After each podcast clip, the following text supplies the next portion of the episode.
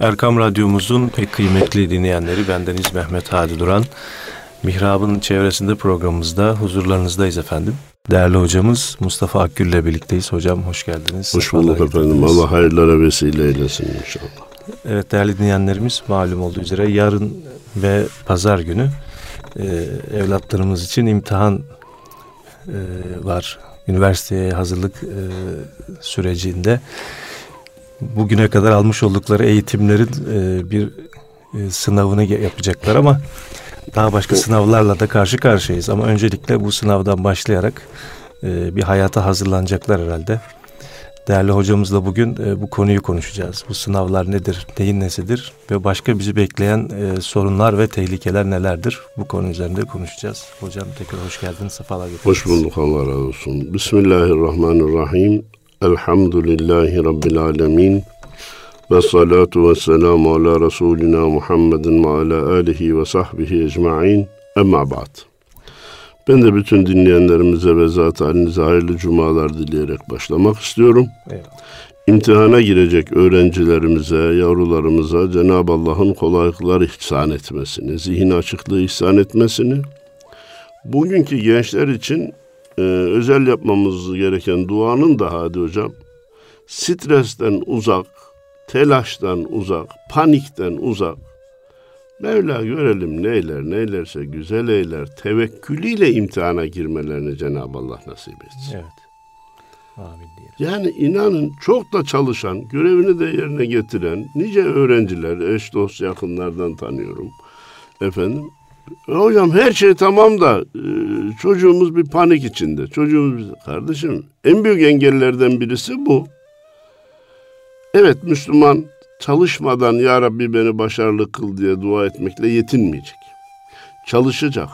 Çalıştım öyleyse puanımı alırım duaya ne lüzum var demeyecek. Dua edecek ki neticeyi kazanınca Allah'tan bilsin. Tamam.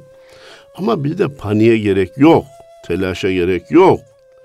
Dünyanın sonu da değil. İşte bazı yavrularımızda da böyle bir heyecan Evet, o heyecan bizzat şey kayba sebep oluyor. Puanı alamamaya sebep oluyor. Düşük puanlara sebep oluyor. Ya dünyanın sonu değil bir. Bu sene kazanamayıp gelecek sene kazanmam mı benim hakkında daha hayırlı? Bu sene kimi hayırlı? Bunun binlerce örneği var. İlk kaybettiği veya kazanamadığı senede üzülüp ikinci senede iyi ki geçen sene kazanamamışım bu sene daha iyi bir yere tutturdum diyenler var. Ha diyecekler ki bunun aksi yok mu? Var. Bu sene bir puan alıp gelecek seneye kalıp istediği beğenmediği yer, beğendiği bir yer olmadığı için girmeyip gelecek sene onu da tutturamayan da var. Dünyanın bin bir hali var. Zaten eğitim konusunda en büyük problemimiz olarak görüyorum Hadi Hocam. Meslek liselerine önem vermedik. Aman düz liseden çıksın o çocuğumuz. Sonra üniversiteden en iyi yerli, cazip olan yeri nereyse oraya girsin. Sonra en yüksek maaş alan meslek hangisiyse ona geçsin. Bir de en az çalışan hangisiyse ona geçsin. Böyle risksiz. He, risksiz, masa başı, tozsuz, topraksız efendim bir iş. O masa başı da bize ayrı bir bela getirecek. O devamlı bilgisayarla karşı karşıya olmak, radyasyon almak. Bunlar birikim getirecek de efendim e, komşunun çocukları bitirdi bizim çocuklar niye bitirmesin? Akrabaların çocukları bitirdi bizim çocuklar niye bitirmesin? efendim e, yarın evlenirken e, diplomasını soracaklar. Bu gibi şeyler, bu gibi duygular bizim neslimizi tehlikeye atmamıza sebep oldu. Biraz veliler de çocukları bu konuda strese sokuyor değil mi hocam? Evet, yani çok veli... biraz sonra söyleyeceksiniz belki de hani evet. çocuğu işte bak işte komşunun çocuğu şurayı kazandı sen şöyle yapamadın ya da bak işte bunu kazanmazsan seni şu işe veririm şeklinde böyle böyle stresler. O var bak bunca para harcadık emeğimiz evet. boşa gitmiş olur senin bu şu bunları boşa giderme hakkın yoktur vesaire gibi çocuğu yeni bir strese sokmak doğru değil. Fakat ben aynı zamanda çocuklara da dönüp demek istiyorum ki e, bu çocuk ve ebeveyn e, tartışması söz konusu olduğunda ben e, çoğu zaman ebeveynin yanında yer alıyorum. Evet. Ben de çocuklara dönüp diyorum ki bak baban bu kadar geçim sıkıntısının içinde geçimden kesti, senin eğitimine para ayırdı. Annen kızım bak sana gel bana mutfakta yardımcı ol demedi. Aman dersine çalış puan al dedi. Özel oda verdiler, bilgisayar koydular önüne efendim. Ne istedinse yaptılar. Sen de biraz daha gayretli ol da, dikkatli ol da bu emekler boşa gitmesin diye gençlere de tembih etmek e, istiyorum. Ama asıl mesele e, bütün millet olarak üniversite bitsin de nasıl biterse bitsin. Evet. Ben bunun çok büyük bir yanlış olduğuna inanıyorum. Kesinlikle. Çünkü şu anda üniversite diplomasının lise diplomasından farkı kalmadı. Bu söylediğim yüzde 65 oranında böyledir. Yüzde 35 e, üniversite bitirenler hemen iş bulabiliyor, talep e, oldukları yerde alınıyorlar vesaire. Peki bunun asli köklü çaresi ne? Meslek liselerini geliştirmek, çoğaltmak. 10-15 sene evvel meslek lisesi dedim ha bunlar İmam Hatibi diyorlar. Bunlar İmam Hatibi için böyle diyorlar. Bir kere hemen tespit edeyim ki o bir cinayetti yani. Meslek lisesinden mezun oldunsa 30 puanın yükselir demek. Yarım puanın bile çok önemli olduğu üniversite imtihanında 30 puanı silmek zulümdü, cinayetti, haksızlığın ta kendisi. Cenab-ı Allah hamdolsun o kalktı.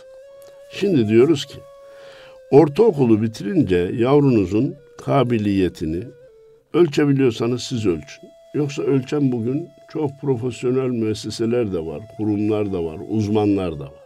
Artı ilkokulda bir eğitim alıyor sonuçta çocuk. Orada Alıyor. da yönlendirmeleri lazım. Oradan hepsi, yani bir meslek lisesine gitmesini temin edelim. Efendim fevkalade şeyde başarılı söyleyin. e, eğitimde matematik, fizik, İngilizcesi çok güzel. Bırak bu düz lisede okusun. Tıbbına, başka e, astronomi bölümüne, şuraya buraya girsin. Bilgisayara, gen, bugün bir de gen bölümünde şeyler var biliyorsun. Mühendislik. Gen mühendisliği var efendim. Buralara girebilecekler girsin. Yok canım benim çocuğum o durumda değil, benim kızım o durumda değil. Öyleyse bir meslek lisesine girsin. Orayı bitirdi. Üniversiteye giremese bile işte panik yapmasına gerek yok. Bir mesleği var.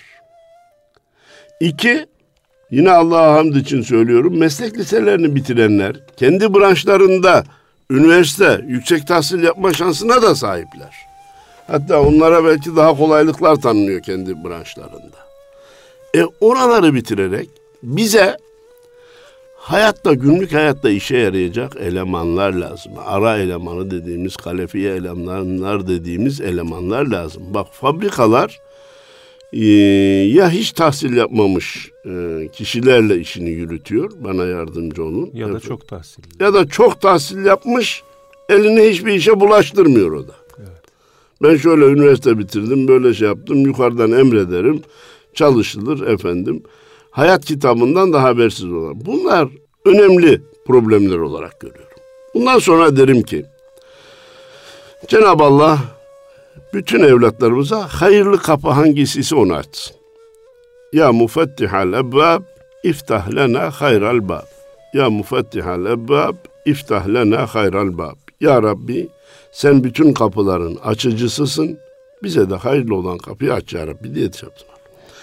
Şimdi gençlerin, evlatlarımızın bu imtihanı bizim de imtihanımızı bir hatırlatma ya vesile olmalı.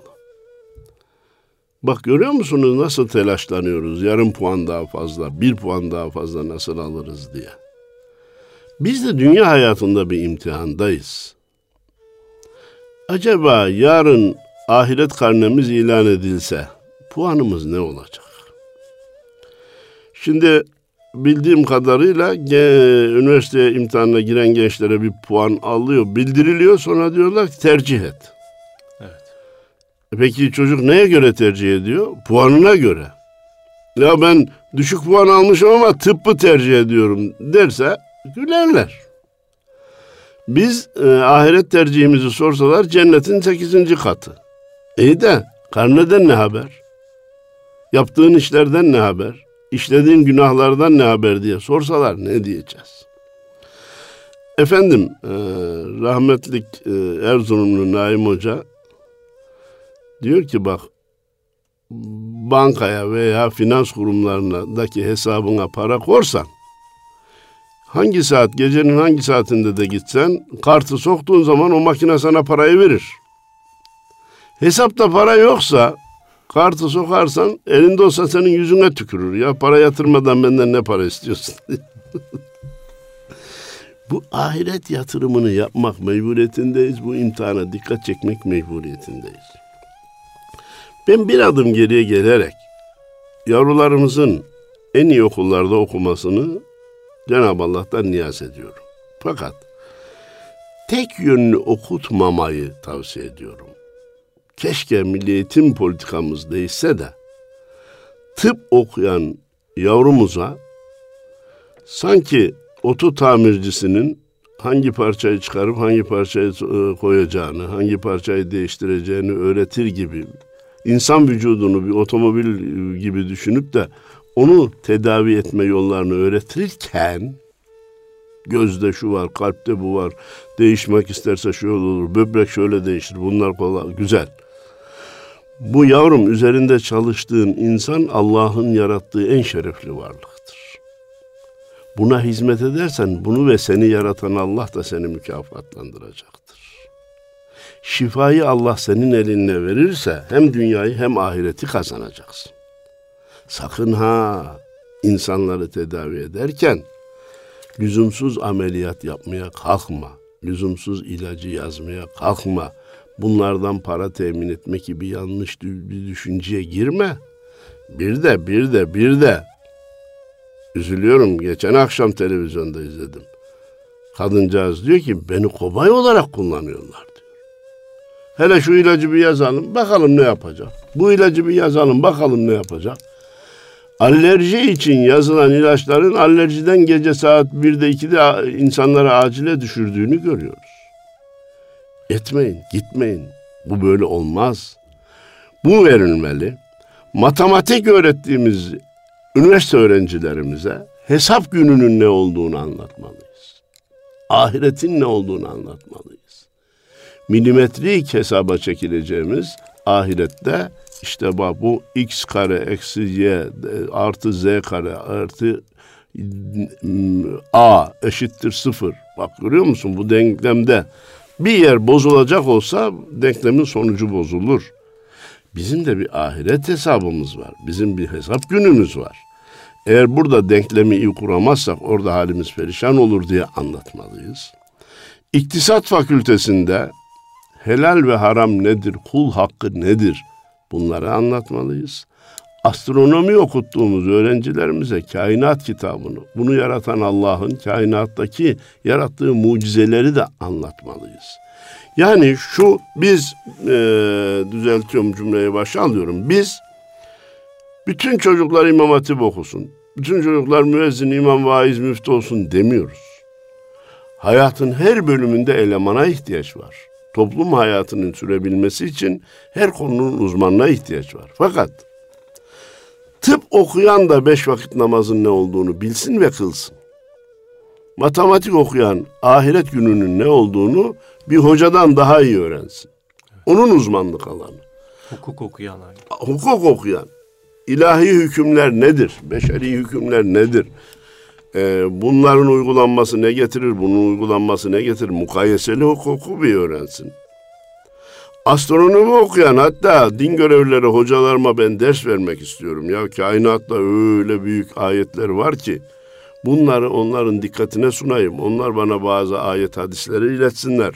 Ben de onlara kainattaki incelikleri, Allah'ın yarattığı mucizeleri anlatayım diye böyle e, kendi branşıyla beraber mutlaka yanına kendi branşıyla ilgili manevi bilgileri, dini bilgileri, ahiret hayatını kurtaracak, sonsuz hayatı kurtaracak bilgileri de o gençlere vermemiz lazım.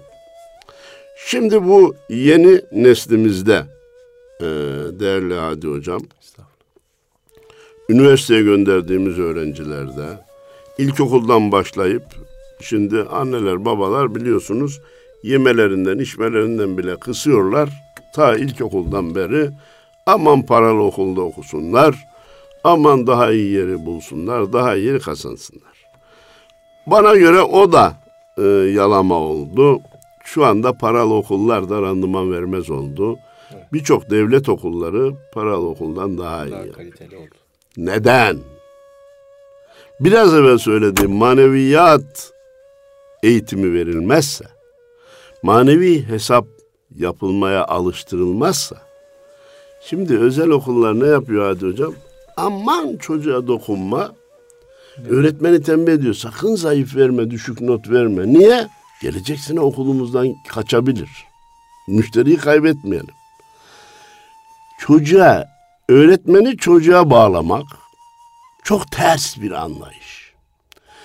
Milli eğitimde içinden çıkamadığımız birçok problem var. Ben onların temelinde öğretmeni çocuğa bağlamak prensibini görüyorum.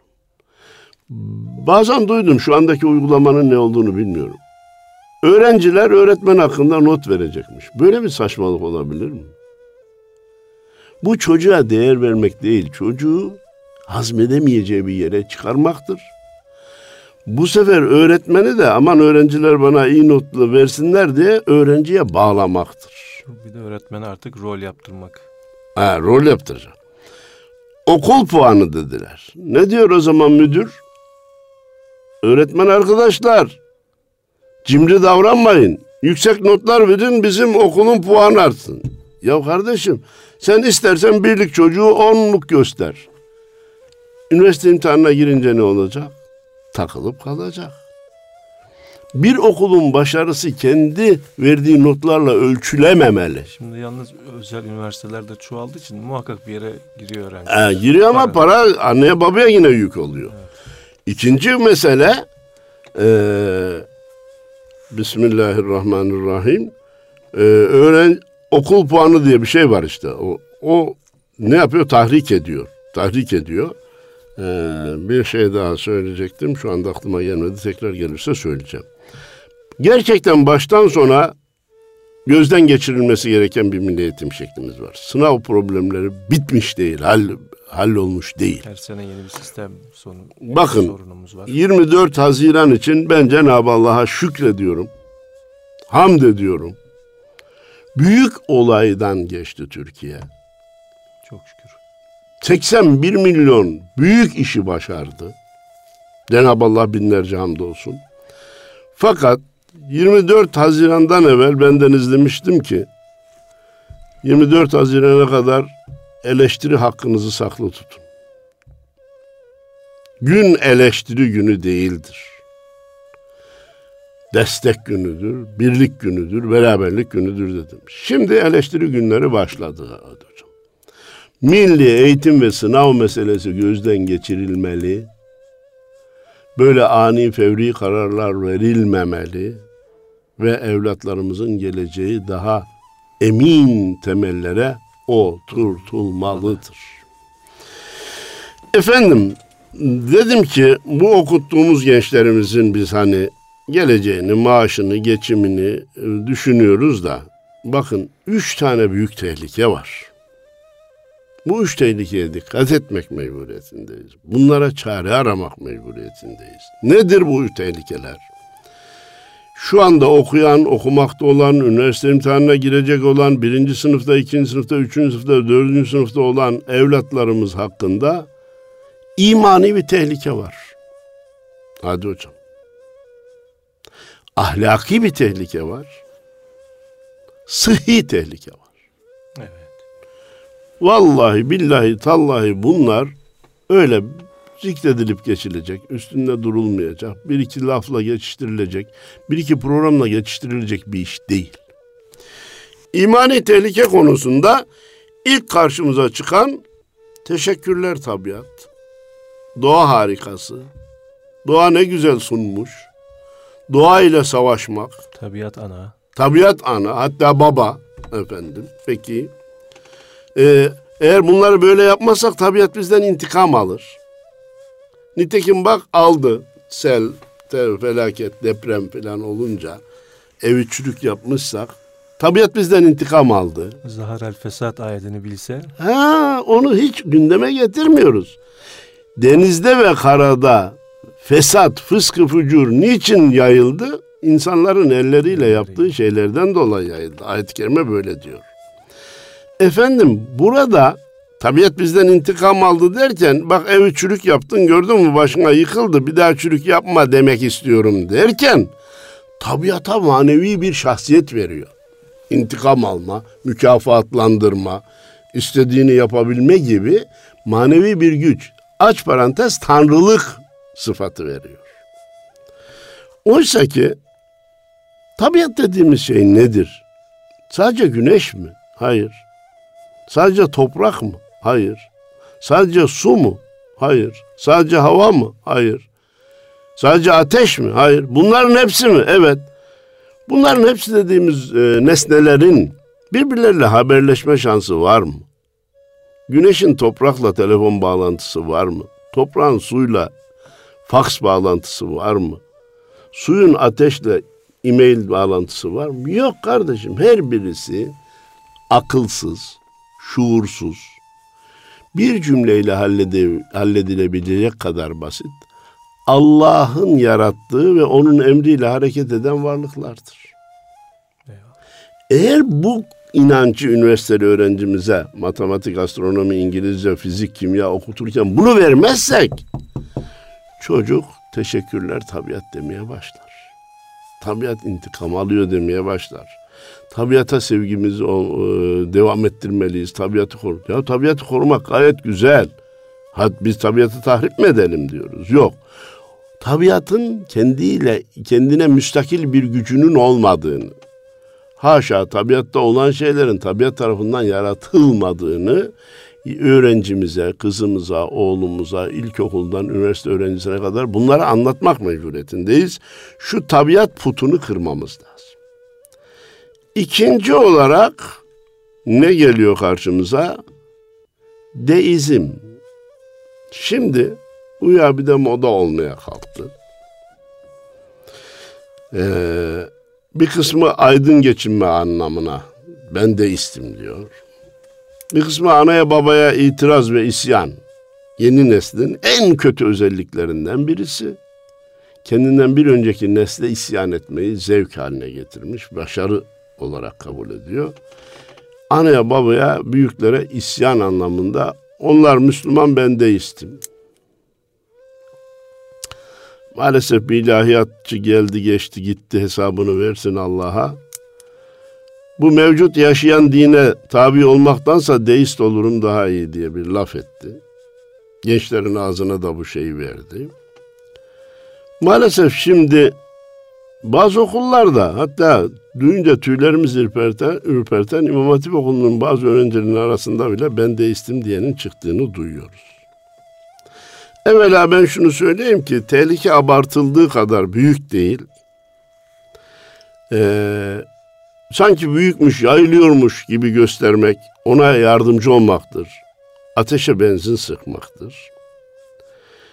Deistliğin e, şey nedir dinleyenlerimizin bir kısmı hocam neyi anlatıyorsun bize bir an söyle diyecek olurlarsa sadece Allah'ı kabul edip yaratıcıyı Bir kabul yaratıcı edip var. bir yaratıcı var. Peygamber yok, kitap yok, efendim diğer şeyler yok. Peki sen bir yaratıcıyı kabul etmişsin. Diğerlerini niye reddediyorsun? İşime gelmiyor. İşime gelmiyor. Türkçesi bu.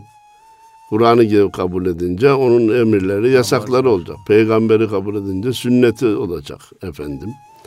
E, haramlar, yasaklar, günahlar olacak. Efendim var var. Bir yaratıcı var. Bu kadar dünya, bu kainat ve benim vücudum tesadüfen olmuş olamaz. Bunu diyor. Bunu demekle büyük iş yaptığını zannediyor. Artık daha ilerisine gerek yok diyerek kendine özel bir din icat ediyor. Halbuki biz din görevlileri öteden beri hep neyi söylüyoruz? İman bir bütündür. Bir maddesini inkar etseniz de dinden çıkar, kafir olursunuz. Meleklere inanmıyorum desen. Bak meleklerle ilgili doğrudan bizim yapacağımız bir şey yok. İnanmakla yükümlüyüz. Ha o iman bize çok şey kazandırır. Nerede olursak olalım e, sağımızda solumuzda kiramen katibin meleklerinin olduğunu bileceğiz ki dikkat edelim. E, Allah peygambere nasıl haber gönderdi, nasıl kitap gönderdi sorusuna meleğe inanacağız ki o, o, onunla geldiğini kabulü kolay olsun. Bir kısım işleri Cenab-ı Allah melekler vasıtasıyla gösteriyor. Melekleri bir memur olarak kullanıyor. Bize de ders veriyor. Her işinizi kendiniz yapmaya kalkmayın. Gücünüz yetse bile işlerinizi taksim edin diyor. Bu gibi hikmetleri var da meleğe inanan bir insanla inanmayan bir insanın fiilen yani ibadet, namaz gibi, oruç gibi, hac, zekat gibi yapacağı bir şey yok. Ama meleğe inanmıyorum hepsi tamam da dese kafir olur diyor. Bunu anlatmak mecburiyetindeyiz. Kadere inanmıyorum diyen kafir olur. Hayrın şerrin Allah'tan. Aç parantez yaratıcısının Allah olduğunu kabul etmeyen o zaman şer için başka bir ilah kabul etmesi lazım. Dinden çıkar. Evet. Ee, bu kişiler yani ben deistim diyenler kendince bir din uydurduğunu, ucuza kurtulacaklarını, ibadetlerden kurtulup haramları işlerken rahat olacaklarını zannediyorlar çıkmaz sokaktır. Böyle bir din yoktur ve bu Müslümanlıkla bağdaşmaz. Ben işte Allah'ı kabul ediyorum ya lafıyla kurtulamayızdır. Küfrün bir başka adıdır. E güya bundan hani derler ya ölümü gösterip de sıtmaya razı etmek. Bir de ateizm var. Nedir o? Yaratıcı bile yok. Her şey tesadüfün eseri. Orada hatta evrimcilik devreye giriyor. Maalesef okullarda, üniversitede şu anda ispatlanmış bir tez gibi. Halbuki ispatlanmamış. Sadece teori olarak ortaya atılmış. Evrim teorisi niçin revaç buluyor? Yine onun temelinde de Allah'ın inkarı var hadi hocam. Evet. İlk canlı, ilk hücre tesadüfen oluştu. Ondan sonraki canlılar onun evrimiyle oluştu en son evrimde maymundan insana dönüş oldu diye saçma, sapan, savunulması imkansız, çok basit tenkitle niçin hala dönüş devam etmiyor? Sorusuna cevap yok. Ee, Allah rahmet eylesin Cevat Babuna Hoca uzun süre diyor e, müzelerdeki e, işte maymundan insana geçiş iskeleti olarak insanlara yutturulan iskeletin son incelemelerde sahte olduğu, aslında insan iskeletinden oraya yapıştırıldığı ortaya çıktı diyor. Peki ben e, takip ediyorum yani. Kardeşim sen inanmıyorsan inanmıyorsun. Milletin diniyle niye oynuyorsun? Milletin evladının kafasını niye karıştırıyorsun? Sanki bu karıştırmaktan zevk alan bir grup insan hep ola gelmiş. Herhalde kıyamete kadar da olacak. Bu durum bu tam burada e, dünden radyoyu ziyaretimizde e, Nurettin Yıldız hocam verdi. Kendisine de teşekkür ediyorum. Yaşar Kandemir Hoca güzel bir kitap hazırlamış. Bu sırf Kur'an Müslümanlığı diye hadis-i şerifleri, sünnet seneyi devre dışı bırakmak isteyenlere cevap olmak üzere dinleyenlerimiz ulaşırsa o kitabı okumalarını tavsiye ediyorum. Efendim. Onun ön, ön sözünde diyor ki Yaşar Hoca, insanların, gençlerin kafasını karıştırmaktan zevk alan bir grup var diyor. Ya Avrupalı karıştırmak isteyebilir, bana yardımcı ol. Müsteşrik dediğimiz şarkıyatçılar, şimdi onlara ne deniyor? oryantalist. O zaman bilimsel oluyor filan.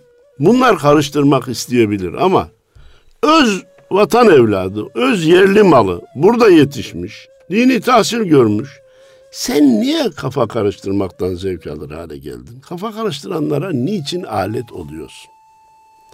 Ve işin garabeti bu grupta olanların yanına bir de bilim adamı, ilim adamı diye felsefeciler, efendim tarihçiler vesaireler takılıyor. Adam Arapçadan A'yı görse, Elif'i görse tanımaz, e, ahkam kesiyor. Kur'an okumasını bilmiyor. Kur'an okumasını bilmiyor, ahkam kesiyor. Kardeşim dünyada böyle bir cinayet yok. Şimdi ana konuya tekrar dönecek olursak, bunlar bizim gençlerimizin itikadını, inancını, imanını tehlikeye sokan şeyler. Bunlara çare bulmamız lazım. Dedik ki ahlakı tehlikede neslimizin. Üniversitede puan kazansın canım yüksek yere gitsin ama ahlakı tehlikede. Niye? Bu giyim kuşam. Bu deniz plaj. Bu düğün dernek bizim ayaklarımızın altını kaydırdı. Ben net söylemek istiyorum. Şu mezuniyet toplantıları, mezuniyet baloları, mezuniyet adına yapılan birçok programlar kız erkek birbirleriyle haşır neşir olarak utanma duygusunu, haya duygusunu yok edici büyük tehlikeler olarak. Bir kızda veya bir erkekteki bilhassa kızlarımızda utanma duygusu yok olursa artık önünü beri almak mümkün olmaz. İnsanlar için en büyük frenlerden birisi haya, utanma duygusudur. Şimdi ne empoze ediliyor? Sakın utanma, çekinme efendim. Ya kardeşim. Utanmak insanın haya dediğimiz ki asli kelimesi insanı insan yapan en önemli özelliklerden birisi. Sen niçin onu yok etmeye çalışıyorsun? Beraberinde ne var tehlike olarak ahlaki tehlike? İnternet. Bu efendim e, iletişim aleti, sosyal medya, birbirleriyle haberleşme im şeyleri, imkanları gittikçe kötüye kullanılıyor. Sosyal medya bir yalan makinası dönüştü. Yakında kendi kendini e, yalama edecek, devre dışı bıraktıracak bana göre. Çünkü yalan yalan. İtibarsızlaşmaya başladı. İtibarsızla ha ben onu arada da bulamıyormuştum hadi hocam. İtibarsızlaşmaya başladı. Yakın gelecekte insanlar birbirlerine sen hala sosyal medyada mı takılıyorsun diyecekler. Dedik ki bir de hatırlarsanız imanı tehlikede, ahlakı tehlikede, sıhhati tehlikede. Evet. Bu yiyecekler, bu beslenme şekli, bu hormonlu yiyecekler, bu DNA'sıyla oynanmış yiyecekler, Gıdalar. gıdalar neslimizin sıhhatini büyük ölçüde tehlikeye atıyor Adi Hocam. Ben şaşıp kalıyorum. İnsanların garip davranışları var. Allah'ın yarattığı akıl sahibi insanların akılsız davranışları için bir kitap yazmak lazım. Çekirdeksiz karpuz, tüysüz şeftali, çekirdeksiz üzüm. Nedir bu kardeşim bunun başına düşman senin? Bırak karpuz çekirdekli olsun. Şeftali tüylü olsun. Bunu yaratan böyle yaratmış. İnsanın eli giriyor oraya, o tüyü yok edeyim derken neleri değiştirdiğinin farkında değil. Efendim, o kış günü yaz sebzeleri, meyveleri, yaz günü kış meyveleri, sebzeleri. Ne olacak? Güya insanımızın gözüne hitap edeceğiz, sofrasına hitap edeceğiz. Ondan sonra da şikayetçi olacağız. Sivri biber şu kadar pahalı. Yeme kardeşim. Neyse ki patates soğan indi hocam artık. İndi mi biraz? İndi.